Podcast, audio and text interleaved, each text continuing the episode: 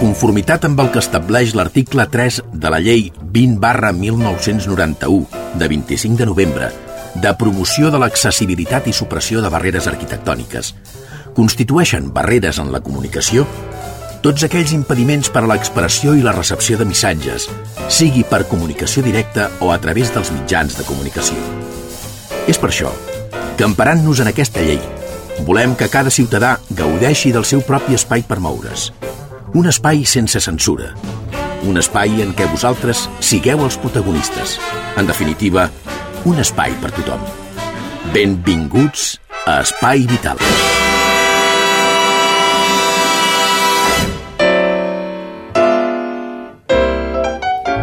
Senyores i senyors, benvinguts, què tal? Com estan? Ben trobats a l'Espai Vital d'avui. Donem la benvinguda al Freddy. Freddy, bon dia. Bon dia, Xavi. El Freddy és el nostre cercador de la plana web del blog d'Espai Vital que és així, les 3 W, radio-espai-vital.blogspot.com o a través del Google poseu Espai Vital i la primera opció que us surt aquest és el blog d'Espai Vital. Els controls tècnics, Jordi Puy, i aquí, qui els parla, el Xavi Casa. 60 minuts fins al final del programa. Això és Espai Vital.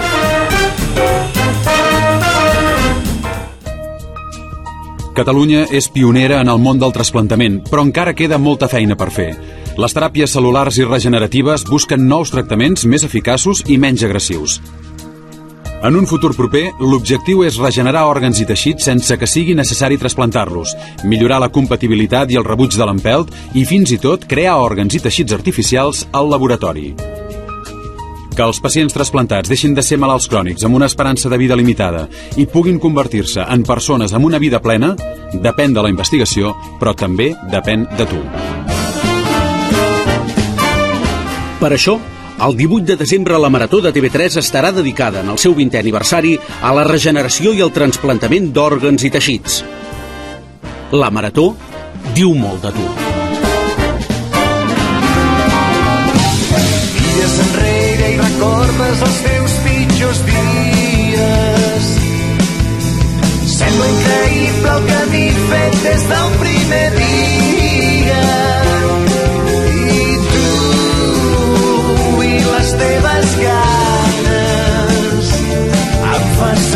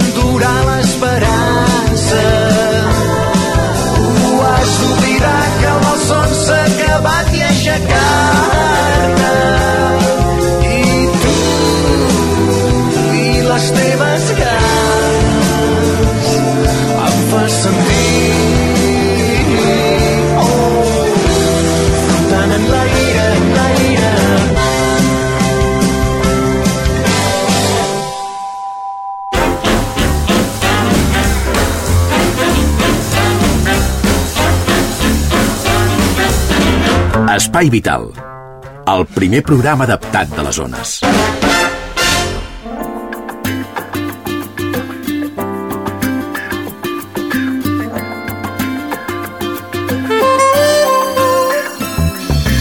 Ara a l'Espai Vital el que volem és parlar de cirurgia, però jo quan parlo de cirurgia mínimament invasiva vull parlar d'una cirurgia molt especial, la cirurgia sense sang.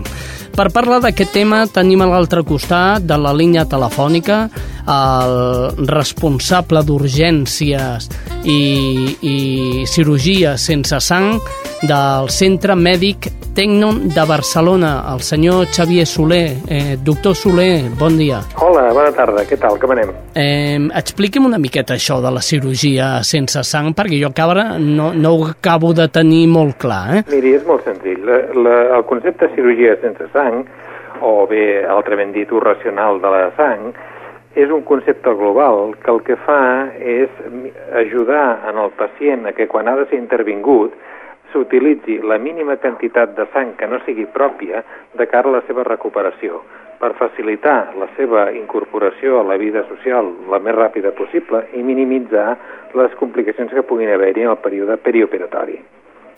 Eh, de fet, jo, jo ja m'ho creia això, eh? però mm. dic, deixa'm preguntar-ho. Eh, jo no sé si es pot fer un tall sense que surti sang, em sembla que no, no, doctor? Es poden fer molts talls sense que surtin sang o minimitzant al màxim la pèrdua de sang. Què diu ara? Sí, en aquí es poden aplicar dues estratègies. La primera és que si una persona ha de ser intervinguda d'una cirurgia major en la qual hi hagi previsió de que sigui sang, de que es perdi sang, disculpi, és molt millor de que entri quiròfano amb un estat molt millor de glòbuls rojos que no en condició d'anèmia hem de tenir en compte que hi ha estudis que demostren que aquells malalts que s'operen de cirurgia major amb valors d'hemoglobina al voltant de 10, el 90% d'ells seran transfosos durant el seu període intra, intrahospitalari, mentre que aquells malalts intervinguts del mateix tipus de tècnica quirúrgica que s'operen amb hemoglobines al voltant de 13, la incidència de transfusió baixa a 10%. Amb això ja tenim un gran pas que ens ve a dir que si aconseguim que tots aquells malalts que anem a operar de cirurgia major estiguin amb hemoglobines al voltant de 13 grams, hem aconseguit que baixi amb un número molt important el nombre de transfusions.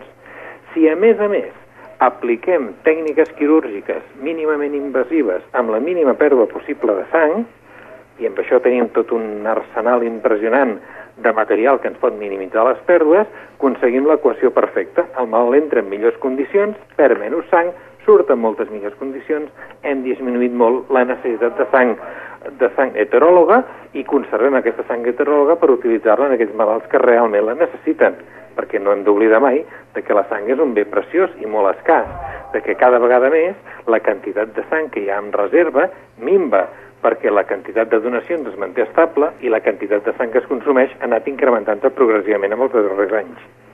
Realment eh, m'agradaria veure una, una cirurgia d'aquest tipus en el que es fa mm, o es perd molt poca sang.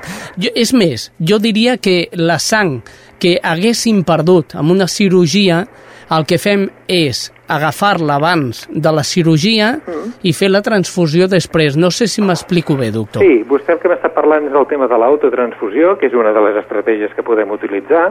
És a dir, si vostè o qualsevol persona s'ha d'intervenir imaginem, d'una pròtesi de genoll o una pròtesi de maluc, una de les estratègies que podem utilitzar és en les dues, tres setmanes prèvies a la intervenció extreure-li una o dues unitats de sang, les conservem identificada exclusivament amb el nom del pacient a què se li ha d'administrar i tenim aquesta sang per utilitzar-la en l'acte operatori. Però aquesta n'és una de les moltes que podem utilitzar. També podem recuperar tota la sang que es perd en l'acte operatori i tornar-li a infundir en el pacient de tal forma que aquesta sang no s'arriba a perdre, no es llença a la brossa, sinó que torna altra vegada al pacient. Hi ha tota una estratègia de recuperadors intra- i postoperatoris que ens permet reaprofitar tota la sang que pugui haver perdut el pacient en l'acte operatori i reinfundir-la en el malalt amb absoluta garantia. I la sang d'un pacient és exactament igual que la seva empremta digital. No n'hi ha cap pacient que tingui exactament la mateixa sang que un altre. Per tant, transfondre la sang d'un malalt amb un altre malalt o d'una persona sana amb un malalt implica transferir-li tota la seva càrrega genètica, tot el seu historial immunològic i pot arribar a comportar problemes.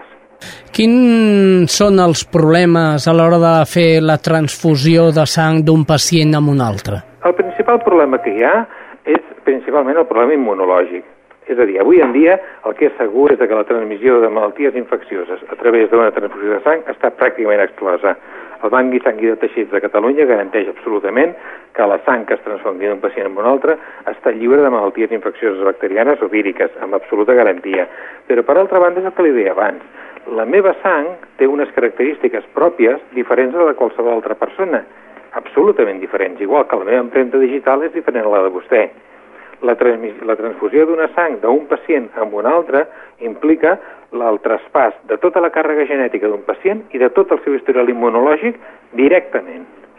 I això pot arribar a tindre repercussions de petita gravetat o de més important gravetat.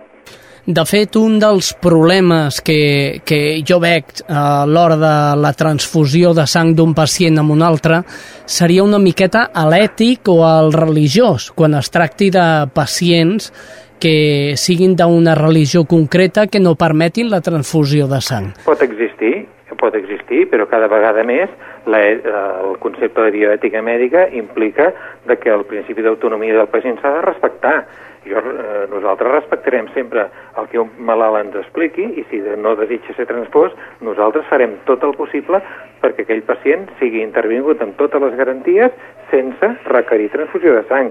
I això es pot fer sense masses sense masses problemes. Disposem de medicaments, arsenal, arsenal terapèutic, eh, instrumentació, com per poder portar a terme unes intervencions quirúrgiques complexes sense tindre que utilitzar sang heteròloga, sang d'un altre pacient, sense tindre que transfondre amb un malalt. Parlem d'una altra, d'una altra tècnica mm. eh, a l'hora de fer, de fer eh, cirurgia mínimament invasiva i Digui'm. segueixo dient que és mínimament invasiva. Sí, Doctor, sí. rectifiqui'm si... Pot arribar a fer cirurgia molt invasiva, és a dir, podem arribar a fer cirurgia cardíaca en la qual es fa esternotomia mitja sense cap tipus de problema, utilitzant tècniques de cirurgia sense sang. Podem fer cirurgia de columna operant aquests malalts que tenen desviacions severes de la columna, un compromís important de la funcionalitat, obrint completament tota la, tota la columna del pacient, col·locant eh, ferros per fixar-li aquesta columna i que el malalt no sigui transfós amb sang heteròloga durant tot el procés eh, intrahospitalari. Podem fer cirurgia de l'aorta sense tindre que transfondre el malalt. Podem fer cirurgia tremendament complexa sense tindre que recórrer a la utilització de sang d'un altre pacient. I d'aquesta manera aconseguirem que la sang sigui totalment acceptada Absolutament. pel nostre cos, clar. Absolutament, perquè és la nostra pròpia sang. En aquí sí que no hi ha cap mena de problema i podem mobilitzar aquesta sang les vegades que calgui. Jo puc, podem instal·lar sistemes de recuperadors recuperadors de sang dintre del quiròfano que recuperi tota la sang que es pugui vessar, centrifugar-la, rentar-la, filtrar-la i reinfundir-la sense cap tipus de problema. Qual, quin és el eh, substitutiu de la sang? Cap. Cap? En aquest moment cap. La que... sang compleix una funció fonamental, que és el transport de l'oxigen. Uh -huh. Per transportar l'oxigen, ara en aquest mateix moment, no tenim cap altre mitjà que pugui reemplaçar-la. No hi ha cap altra cosa que pugui substituir la, aquesta funció, que és la, una de les funcions primordials del glòbul roig, que és agafar la sang en el pulmó i transportar-la cap als teixits. Jo sé que hi ha algun tipus de, de sang artificial o una mena sí, de cosa rara. S'han desenvolupat una sèrie de productes, tipus de perfluocarbonats i altre tipus, en el qual s'ha intentat eh, que compleixin aquesta funció. De moment, sense èxit i sense que tinguin aplicació, aplicació clínica pràctica mm, veurem en el futur el que, el que la indústria farmacèutica ens aportarà. Però ara, en aquest mateix moment, no hi ha cap altre mitjà que sigui capaç de substituir a la sang.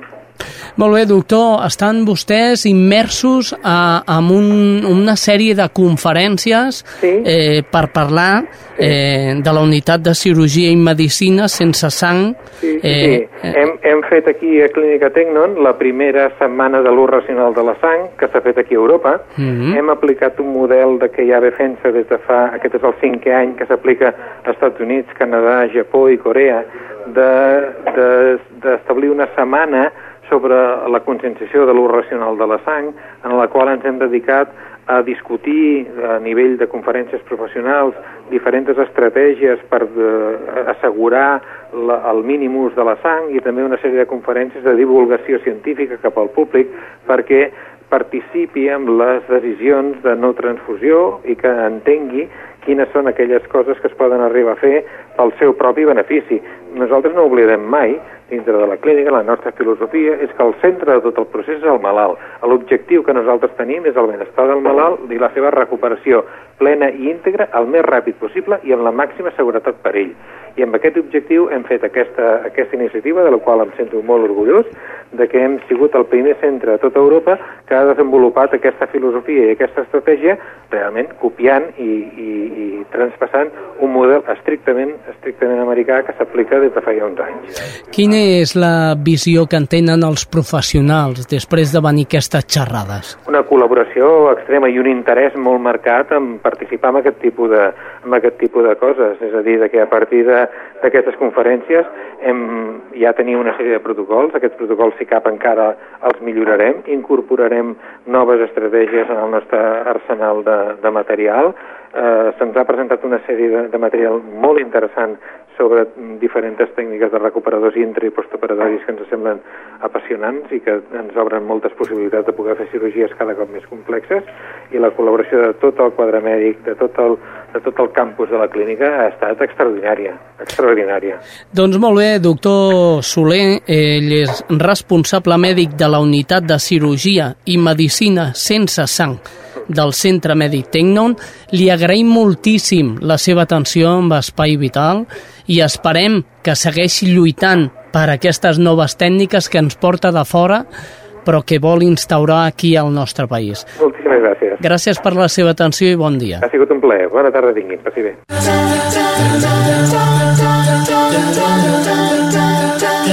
I tu? Des d'on ens escoltes?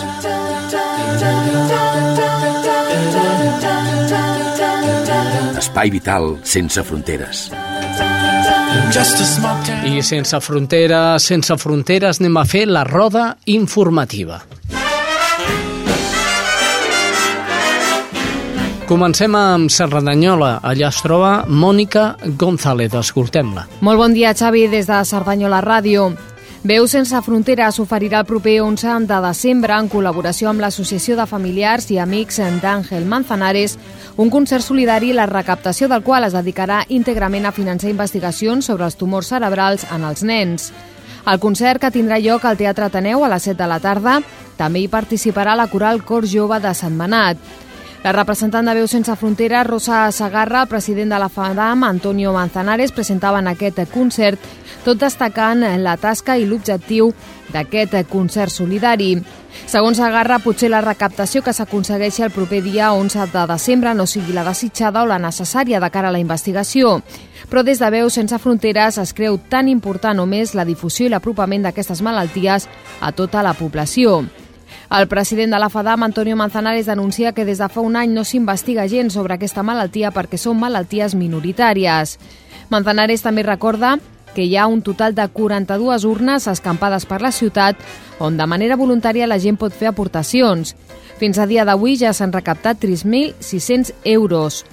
Amb el conjunt d'activitats portades a terme per la FADAM, s'han recaptat 72.214 euros, els quals s'han destinat a l'Institut de Recerca de la Vall d'Hebron. I això és tot en des de Cerdanyola Ràdio. Salutacions, Espai Vital. Gràcies, Mònica González. Des de Cerdanyola Ràdio anem cap a Ripollet. Allà es troba la Reme Herrera. Bon dia, Xavi. Aquesta setmana des de Ripollet us parlem dels actes que la regidoria de joventut ha organitzat un any més al voltant del Dia Mundial de la Lluita contra la Sida, que es commemora l'1 de desembre.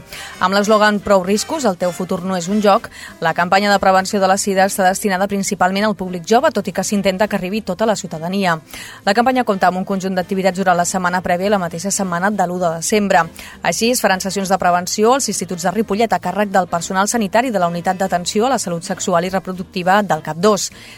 Del 28 de novembre al 12 de desembre, als instituts de Ripollet també s'exposarà un llaç gegant, símbol del dia de la lluita contra la sida, i el joc del Trivial. D'altra banda, l'1 de desembre a les 6 de la tarda, al Cafè Tic en Mas, i el dia 2 de desembre a la mateixa hora al Casal de Joves hi haurà un estant informatiu i activitats de dinamització. A més, cal recordar que tant des del punt d'informació juvenil com des dels punts d'informació als instituts es pot realitzar qualsevol consulta sobre el VIH durant la resta de l'any. I això és tot per avui, fins la setmana vinent. Gràcies, Rem Herrera. Des de Ripollet Ràdio agafem el cotxe i anem corrent, corrent cap a Barberà. Allà es troba Daniel Martín. Hola. Salutacions des de Ràdio Barberà. Des de la secció municipal de Benestar Social i Salut de l'Ajuntament de Barberà del Vallès han programat un curs de formació sanitària amb l'objectiu de promoure els principis d'higiene i seguretat alimentària a través de l'aplicació d'autocontrols sanitaris basats en el sistema d'anàlisi de perills i punts de control crític. Aquesta formació va adreçada al personal manipulador d'aliments dels establiments minoristes de restauració, com bars, restaurants, pizzeries, frankfurts o rostisseries. El curs està impartit per l'empresa Assessoria Catalana d'Higiene Alimentària, empresa que ha donat assessorament tècnic per elaborar la guia pràctica d'autocontrols per als establiments de restauració i menjars per emportar. Les persones participants se'n rebran un exemplar de la guia, una eina que serà molt útil per implantar els autocontrols sanitaris en el propi establiment, bàsics per garantir la qualitat higiènica dels aliments, així com donar compliment a la normativa sanitària vigent. L'assistència a aprofitament d'aquest curs permetrà acreditar la qualificació professional de la persona assistent.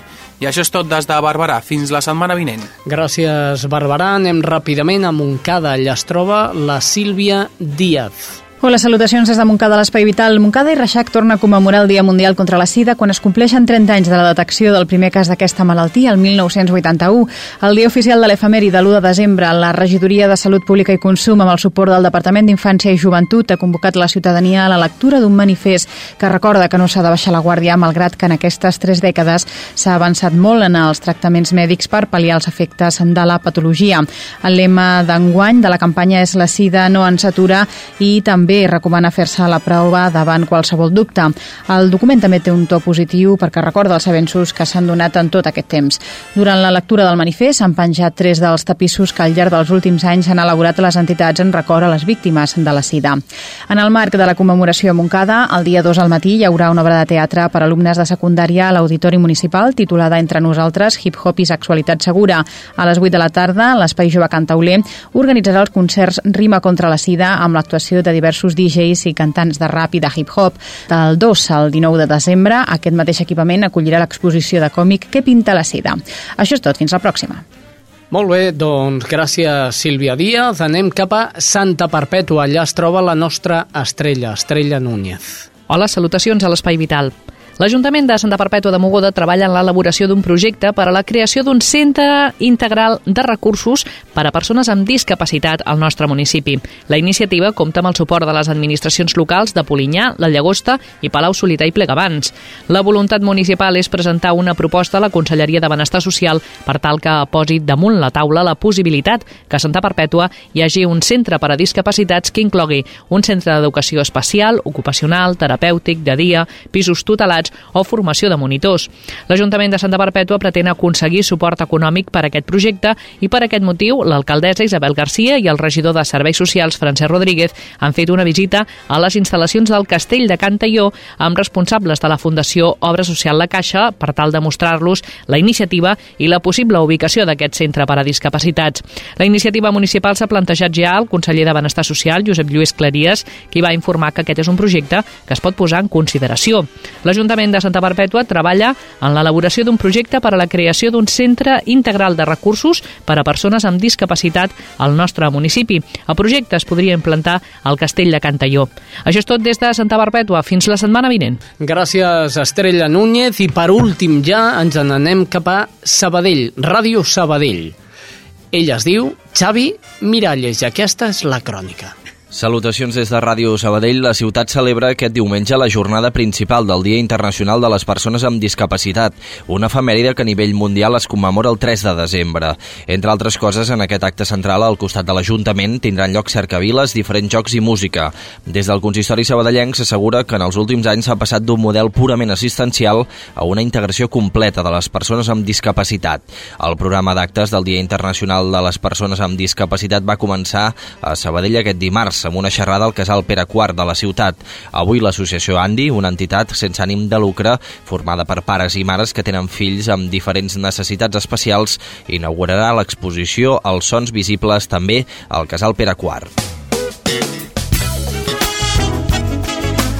Molt bé, continuem aquí a l'Espai Vital després de la roda informativa. Li toca l'hora al xiquitín, al nostre Freddy. Freddy, tenim una notícia apareguda al blog d'Espai Vital que a mi em sembla que és interessant.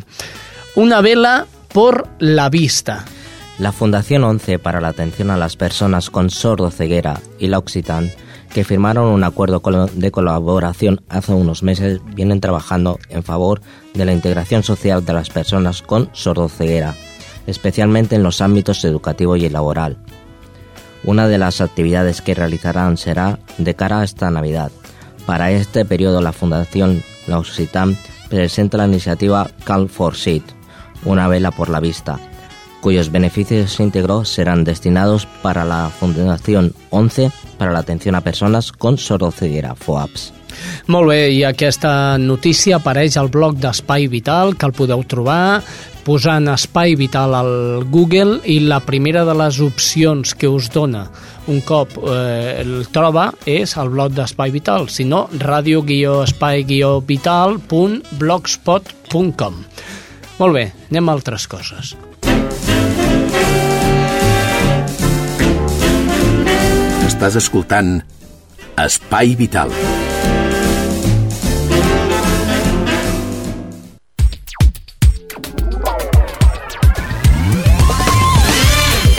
Ara el que toca a l'Espai Vital és parlar d'una malaltia, de fet un síndrome. Es diu velocardiofacial. Eh, la Hanna és una nena que té aquest síndrome i avui ens acompanya als nostres estudis la seva mare, Lídia Álvarez. Buenos días, Lídia. Buenos días. Eh, ¿Qué es el síndrome velocardiofacial? Bueno, el velo cardiofacial es una deformación del cromosoma 22 o alteración del mismo. Y bueno, se caracteriza cuando nacen estos niños, que dicen de 4.000 casos un caso, eh, es el velo del paladar hendido, cardio de un problema de corazón y facial porque tiene unos rasgos característicos. Ah, ¿Cuáles son las características que marcan esta enfermedad? Bueno, tienen los ojos un poquito más separados de la cuenta, las orejas más bajas, un hoyito característico que tienen en el labio superior del lado derecho y los dedos también tienen forma puntiaguda, tienen problemas mm, luego a la larga de aprendizaje, psicomotriz, eh, todo es más lento. Todo es, representa que ella ahora tiene ocho años, eh, sí que le hicieron en el colegio repetir P4 para que no se quedara atrás, pero todo el proceso es muy, muy lento. ¿Es una enfermedad crónica? Sí, sí, sí. ¿Degenerativa? No, en principio no, pero sí que ella, eh, si tuviera que tener hijos el día de mañana, tiene que hacerlo de una manera que tiene que coger las células buenas. Para que nos entendamos, a ella sí que, ella sí que si tiene un hijo, tiene más riesgo que una persona como, es como yo que me hice las pruebas y nada. Pero ella sí que tiene posibilidad de que le salga como ella o con muchas más características que tiene la enfermedad. ¿En qué momento te planteas tener un, un hijo, en este caso una hija, eh, y cómo conoces tú de esta enfermedad? Pues no la conocía, yo de hecho estaba embarazada y tampoco mm, la niña no se movía. La niña no se movía, mm, también en ese momento me pilló que mi madre sufría de cáncer, entonces no me hicieron la miocentesis que te hacen, todo fue como muy seguido y cuando ya estaba en el hospital que la niña nació, más pequeña de lo normal, y empezaron a venir los médicos, uno detrás de otro, pues, y hacer fotos, pues ya pensé, digo, aquí pasa algo. Y ahí luego ya, pues, cuando le miraron la cardióloga, entonces nos dimos cuenta del problema. ¿Cuáles son los pasos que seguiste una vez eh, te enteraste que la niña tenía velo cardiofacial? Pues los pasos, pues bueno, en el seguimiento me lo hicieron en Partaulí, la doctora de genética, la neuróloga y la cardióloga. ¿Te puedes creer que yo no, no he oído nunca lo de doctora de genética? ¿Es que hay doctores de genética? Sí, bueno, los que se... en esa especialidad. Ajá, no, no te lo digo por nada, és que me- m'ha sobtat Mm. el fet de sentir la doctora de genética. És, eh, es, es impresionante. Eh, es verdad que la información genética que dan nuestros propios cuerpos Mm. son los que definen el futuro de, de- de cualquier enfermedad. Eh, ¿Es una enfermedad que se puede diagnosticar prematuramente o es cuando pasa, mm, cuando la tienes encima? Yo creo que es cuando pasan y ven, ves, si tú ves a los niños, más o menos todos son parecidos. A mí me dijeron que el caso de Hannah, que era leve, pero tú ves a los niños y todos se parecen entre sí. Así como No si cabe tanto como un síndrome de Down, porque tienen un cromosoma más, pero ya es una alteración, una deformación de ese cromosoma. Y entre ellos se parecen bastante. Luego la, la actitud es, es muy parecida. Eh, ¿Problemas de atención? Muchísimo. ¿De aprendizaje? Muchísimo. Yo, de hecho, ahora voy a apuntarla a un sistema nuevo de aprendizaje a ver si hacemos algo, porque llegan a ser niños cero a la izquierda en clase. Quizás no es un problema del profesor. Lo que pasa que he visto cara a los padres, te das cuenta que tu hija no avanza, no avanza, no avanzas. Ella se va dando cuenta, los niños son crueles por naturaleza, las burlas, nunca aprende. Dos más dos son cuatro y dentro de media hora no se acuerda. Y no es que no quiera ella, porque ella pone voluntad, pero su cabeza no da para más. Y repite, te pregunta, ¿y qué es esto? Y, y a los diez minutos te lo vuelve a preguntar. Y a veces, bueno, te desesperas porque no estamos preparados para, para estas enfermedades. Estas y, y muchas como ella, ¿no? Eh, ¿Cuál es el futuro de Hannah? Bueno, pues te dicen que como tampoco hay grandes estudios, que es lo que se pretendía en un momento cuando se hizo la conferencia, que la hicimos el 23 de febrero en, en el Zoo de Barcelona, lo que se pretendía es un poco de ayuda a estos niños y de saber hasta dónde se puede, dónde se puede llegar. Pero en realidad es que no, no hay nada, tienen limitaciones. A lo mejor no llegan a la universidad, pero es que no- yo no es que quiera que llegue a la universidad, pero tampoco que se quede estancada, ni que me la dejen estancada porque tiene un síndrome velocardiofacial. Este, un síndrome de Asperger, un, no, todo el mundo tiene derecho a saber, ¿no? Sí, señora. Y muchas veces la gente, hasta que no tiene algo que le pasa, yo en mi, en, en mi familia hay otro caso, tengo un sobrino con síndrome de Asperger. Entonces, mm, también sé las dificultades que ha tenido eso. Mm, Luego me he criado con un, un amigo mío, minusválido, con la mente muy, muy puesta, pero sé lo que es, y sé lo que es sentirte de cero a la izquierda, y esto es lo que yo mm, mm, no puedo soportar. Ajá. Que lo dejen a los niños así, bueno, si llegan, si aprenden, Eh, yo sé que en varias poblaciones se aplica el soporte a niños con problemas de aprendizaje. Yo no sé si tú recibes ese soporte. Sí, sí. ¿Sí? ¿En qué colegio va? Ella, nosotros vivimos en Santa Perpetua de la Mogoda y va al Bernat de Mogoda y ahí recibe, sí, pero bueno, yo creo que no es suficiente. Mm, ¿Qué le pedirías tú a la administración? ¿Qué le pediría yo? Pues primero el recorte tan ridículo que se ha hecho, que no sirve nada. En vez de estar todo el día pegando saltitos haciendo gimnasia, pues por ejemplo, eh, más educación. Y una persona que estuviera de soporte en clase, pero una, una persona, no una persona que digan, vamos a meterla en el colegio porque esta señora está en paro y para que reparta los, los folletos o, o los bolígrafos a los niños, una persona que tenga experiencia, que sepa dar clase también. Y que esté preparada, ¿no? Y que esté preparada, porque es que lógicamente no. Tú vas a hacer unos cursos y dicen, bueno, esta señora está en paro, la metemos de refuerzo escolar. Ahora, métela si quieres en un comedor para dar de comer a los niños, poner la mesa, todo lo que tú quieras. Para una clase, no. ¿Tiene problemas Hanna con, ahora que hablas de comedor? Pero normalmente cuando hay este tipo de enfermedades siempre hay problemas a la hora de comer. Todas las comidas o no digieren bien o... ¿Tiene problemas tu hija? Cuando era más pequeñita, más bebé, sí que tenía problemas, pero que ella misma ha aprendido a tolerar todos los alimentos y hoy por hoy Hanna come muy, muy bien. ¿Se puede aprender a tolerar todos los alimentos? Supongo que ellos, eh, igual que a respirar, ella dormía un poquito en alto porque se ahogaba Mm. y al dormir con la, en la cura mismo, dormía un poquito alzada y ella aprendió pues a no atragantarse. ¿Qué solución tienen estos niños? Bueno, eso se puede, dicen que se puede llegar, por lo que yo he leído, a operar, pero es, es que no tenemos más información.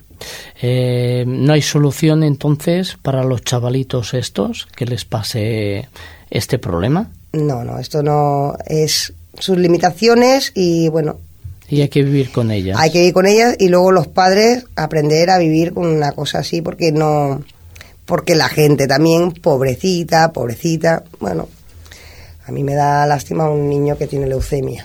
Hanna no me da lástima. Efectivamente. Una madre coraje más. Me atrevería a decir, ¿eh? Bueno, Muy bien. A ver, eh, tengo en mi mano un papel. Eh, me dices que es un relato. Sí. Esto. Es que yo escribo, escribo cuentos para la Hanna y se los leo, se los hago leer a ella para que, bueno, para que aprenda también. Mm. Va leyendo muy lento, pero tampoco silábicamente. Y se los leo para que luego ella me explique la historia que, que, que yo le he leído. Y este precisamente lo escribí con... y ella se emocionó bastante. Y bueno, bueno, pensé, digo, pues me ha, compre- me ha comprendido, ¿no? Eh, lo entiendo, yo si fuera hijo, tuviera esto, y mi madre me hiciera esto y me lo hiciera leer, también me, me emocionaría. Y si no escuchen, cuando mi mamá decidió tenerme a mí, fue porque le vino el instinto maternal, ese que dicen sentir las mujeres. Simplemente le llegó la hora y cuando lo decidió, enseguida le salió una barriga muy grande. Esto es parte del fragmento que, que me ha traído esta madre coraje. ¿eh? Déjame que te llame así. Bueno, Muy bien, pues eh, te agradecemos muchísimo que hayas venido a los micrófonos de Spy Vital muchas gracias. y te animamos porque tienes una hija guapísima. Mm. Hanna es muy guapa y Hanna seguro que lo va a superar. ¿A que sí, Hanna? Bueno, y si no ya lo intentaremos juntas. Seguro que sí. Y además tienes una familia que se lo merece todo. Muy bien, Lidia, gracias por haber estado aquí. Gracias Y a vosotros por, escu- por escucharme. No, mujer, pero si la gente estamos para eso, para escuchar. Es que la gente debería de escuchar más, Sí. de escuchar y estar ahí. Bueno, para eso estamos en la radio, para que ustedes nos escuchen. Lidia, muchísimas gracias. Gracias a ti. Hasta luego. Hasta luego.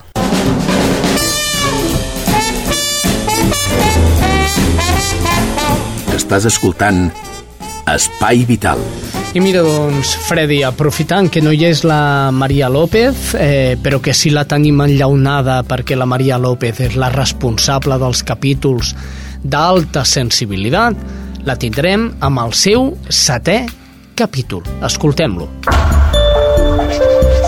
A continuación, les ofrecemos Alta Sensibilidad, un libro sobre el ictus. Alta Sensibilidad, un libro de Isabel Palomeque, escrito en primera persona y llevado a la radio de la voz de María López. Una producción de Spy Vital.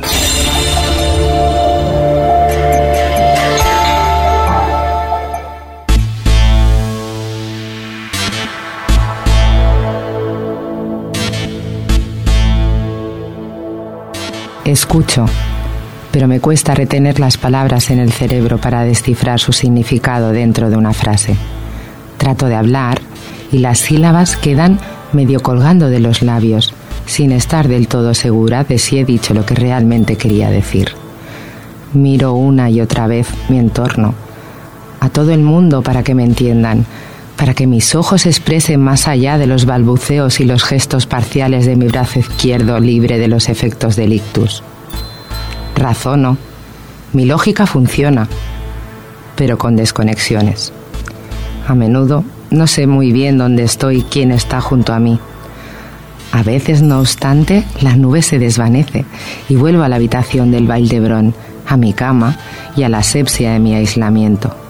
Pasan los días y los progresos, cifrados por mí en estas intermitencias de conciencia, se multiplican, a pesar de que no sé si para bien. ¿Merece la pena despertar del todo siendo prisionera de esta situación? Si no me sintiera tan agotada, gritaría de rabia. Como si esto me ayudara de una vez por todas a deshacerme de la parálisis, de las batas, de las curas, de los catéteres y de las constantes visitas de los médicos.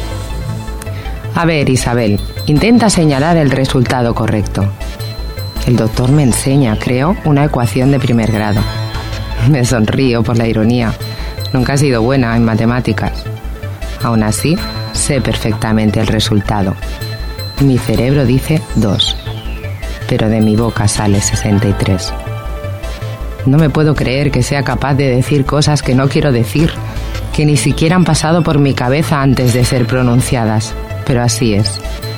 Veo los rostros de preocupación por mis ridículos avances y me vuelvo a hundir en una especie de sopor. Ahora casi reparador. Dormir. La inconsciencia se ha vuelto una clase de refugio en el que esconderme. Me pregunto cómo me deben ver los que me visitan. Ya sé qué aspecto tengo porque me he visto en el espejo. Deformada, monstruosa, sin ningún control de mi cuerpo. La saliva se escapa por la comisura derecha y con ella mi dignidad. Los médicos hablan, mis padres escuchan y replican inútilmente pidiendo más asesoramiento, más esperanza para saber qué debemos hacer a partir de ahora. Rouget aparece y desaparece de mi lado cada día. Sé que debe trabajar, que está haciendo todo tipo de gestiones por mí, que discute y valora los mejores tratamientos como si fuera paciente suya. Pero me he vuelto una niña egoísta que no quiere saber nada de obligaciones y prioridades. Solo lo quiero aquí, conmigo, rozando con suavidad mi mejilla, apretando mi mano y explicándome cómo le ha ido su día en la clínica. Nunca estoy sola, como una niña pequeña. Necesito ayuda, compañía y no cuento para nada. Otros deciden por mí. En este estado soy solo una inválida medio idiota. Una nueva rutina se impone dentro del día. El fisioterapeuta ha venido a presentarse. Hola, a partir de ahora me ocuparé de ti. Acto seguido, las órdenes se suceden dentro de una niebla dolorosa e incomprensible. Dame la mano, estira el brazo, arriba, abajo, aprieta con fuerza. ¿Notas esto? ¿Notas esto otro? Cierra los ojos. ¿Qué estoy tocando? Ya me gustaría poder complacerle y responder a todo lo que me pide, pero sus directrices llegan a mis oídos y se quedan enganchadas en el hervidero de neuronas inflamadas que dominan mi cerebro. Conclusión, el brazo derecho se mantiene impasible. Solo me queda un 20% de sensibilidad. Es el momento de cambiar el chip y plantearme que a partir de ahora seré zurda. Mae, la mujer de mi hermano Manu, ha venido desde San Sebastián, donde reside, y se ha involucrado tanto como Rouget. Ella da las directrices a las enfermeras de mi planta. Hoy ha decidido que ya se acabó el ir con pañales. Cualquiera le dice que no. Sus colegas la respetan por su firmeza y su evidente profesionalidad. Para mí es como una hermana mayor y me toca el corazón su devoción casi maternal por cada una de mis necesidades. Al no poder orientarme, entre el sopor y el paso de las horas, he tomado como referencia a mis ángeles. Por la mañana, las mujeres, mi madre, Mae y mis amigas. La noche es el turno de los hombres, papá y mis hermanos, además de mi otra cuñada Ana, quien duerme a menudo a mi lado. Su presencia estable me reconforta. Sin su ayuda seguramente habría acabado perdiendo la cordura. Los días se suceden, pero mi cerebro se ha quedado anclado en la noche del 28 de febrero y sueño como si no hubiera pasado absolutamente nada. Estoy atrapada en un bucle infinito. Cada mañana, pocos segundos antes de abrir los ojos, una falsa sensación de normalidad me acompaña. Intento estirar mis extremidades, postezar, moverme y el pánico se apodera de mí. ¿Qué me pasa? ¿Qué me pasa? ¿Esto me está pasando a mí? Y cada día la misma respuesta. Sí, efectivamente me pasa a mí. Como que me ahogo de rabia e impotencia, pido a mi padre que me acerque a la ventana, que me permita ver el mundo del otro lado, puesto que parece que ahora es de día. En los brazos de mi padre vuelvo a ser pequeña y frágil. Mi cuerpo escuálido, con un peso ridículo de 40 kilos, se acopla a sus brazos y me ayuda a ver un horizonte de edificios alrededor del hospital. Personas que caminan y que van de un lado a otro con vidas inalteradas. con las preocupaciones ajenas a una salud inmovilizadora. Querría ser ellos, cambiarme por cualquiera de los transeúntes, estar de visita, no ser la enferma. Pero el destino me ha dado la vuelta y en el espejo ya no se refleja Isabel, sino la versión inversa de mi persona, Levasi. Dentro de mí conviven la mujer que he sido y la mujer que seré a partir de ahora. Y hasta aquí, Alta Sensibilidad, un libro sobre el ictus. Alta Sensibilidad, un libro de Isabel Palomeque, escrito en primera persona y llevado a la radio de la voz de María López. Una producción de Spy Vital. Alta Sensibilidad, un libro de plataforma editorial. Doncs molt bé, fins aquí alta sensibilitat. És el moment de la cuina de l'Espai Vital i de Conxita Naudi. Hola, bon dia, Conxita. Hola, Xavi. Avui et porto una altra recepta d'un altre sant. Aqu aquesta vegada són papardelle de Sant Gregorio. Això ve d'una recepta antiga del monestir de Santa Agnese de Rieti, Itàlia. I el recordo una nina, les velles alzines... Mira, els ingredients són per 10 o 12 persones, perquè això són com uns bizcochos eh? de llimona i canyella. Uh, els ingredients.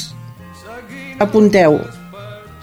4 ous, 400 grams de sucre, mig got d'oli, un quart de litre de llet, farina, canyella i ratlladura de pell de llimona i un sobre de llevat.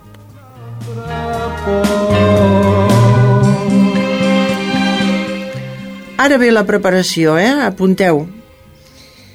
Es posen en un bol el, els ous i el sucre i es remena una bona estona. Uh, després s'hi posa l'oli, la llet i la farina, la que sigui necessària, vosaltres mateixos, eh? Això és qüestió d'anar remenant, remenant, la que veieu que necessiteu. Uh, té que quedar una pasta molt esponjosa. Uh, seguidament se li afegeix la canyella, la ratlladura de llimona i per últim el sobre de llevadura. La massa té que quedar molt suau perquè al posar-la a cullerades sobre una plata que pugui anar al forn té que quedar compacta. S'ha de tenir en compte que creix una mica eh, amb la cocció, o sigui que vosaltres mateixos al forn l'heu de pres escalfar, poseu la plata a 170 i a mida a mida que veieu que es va durant ja apagar el forn. Eh? Doncs res més, jo crec que és, són uns, en diuen bizcochitos, que poden quedar molt bons, eh?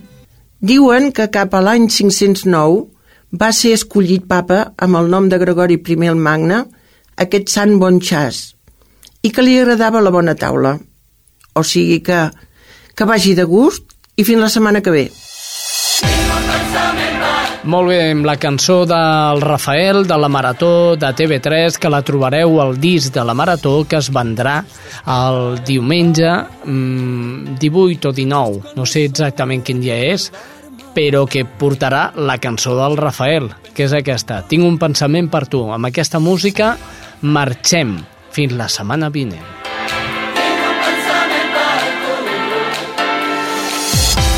Tu just despertar en mar Tu just quan és hora de llevar-me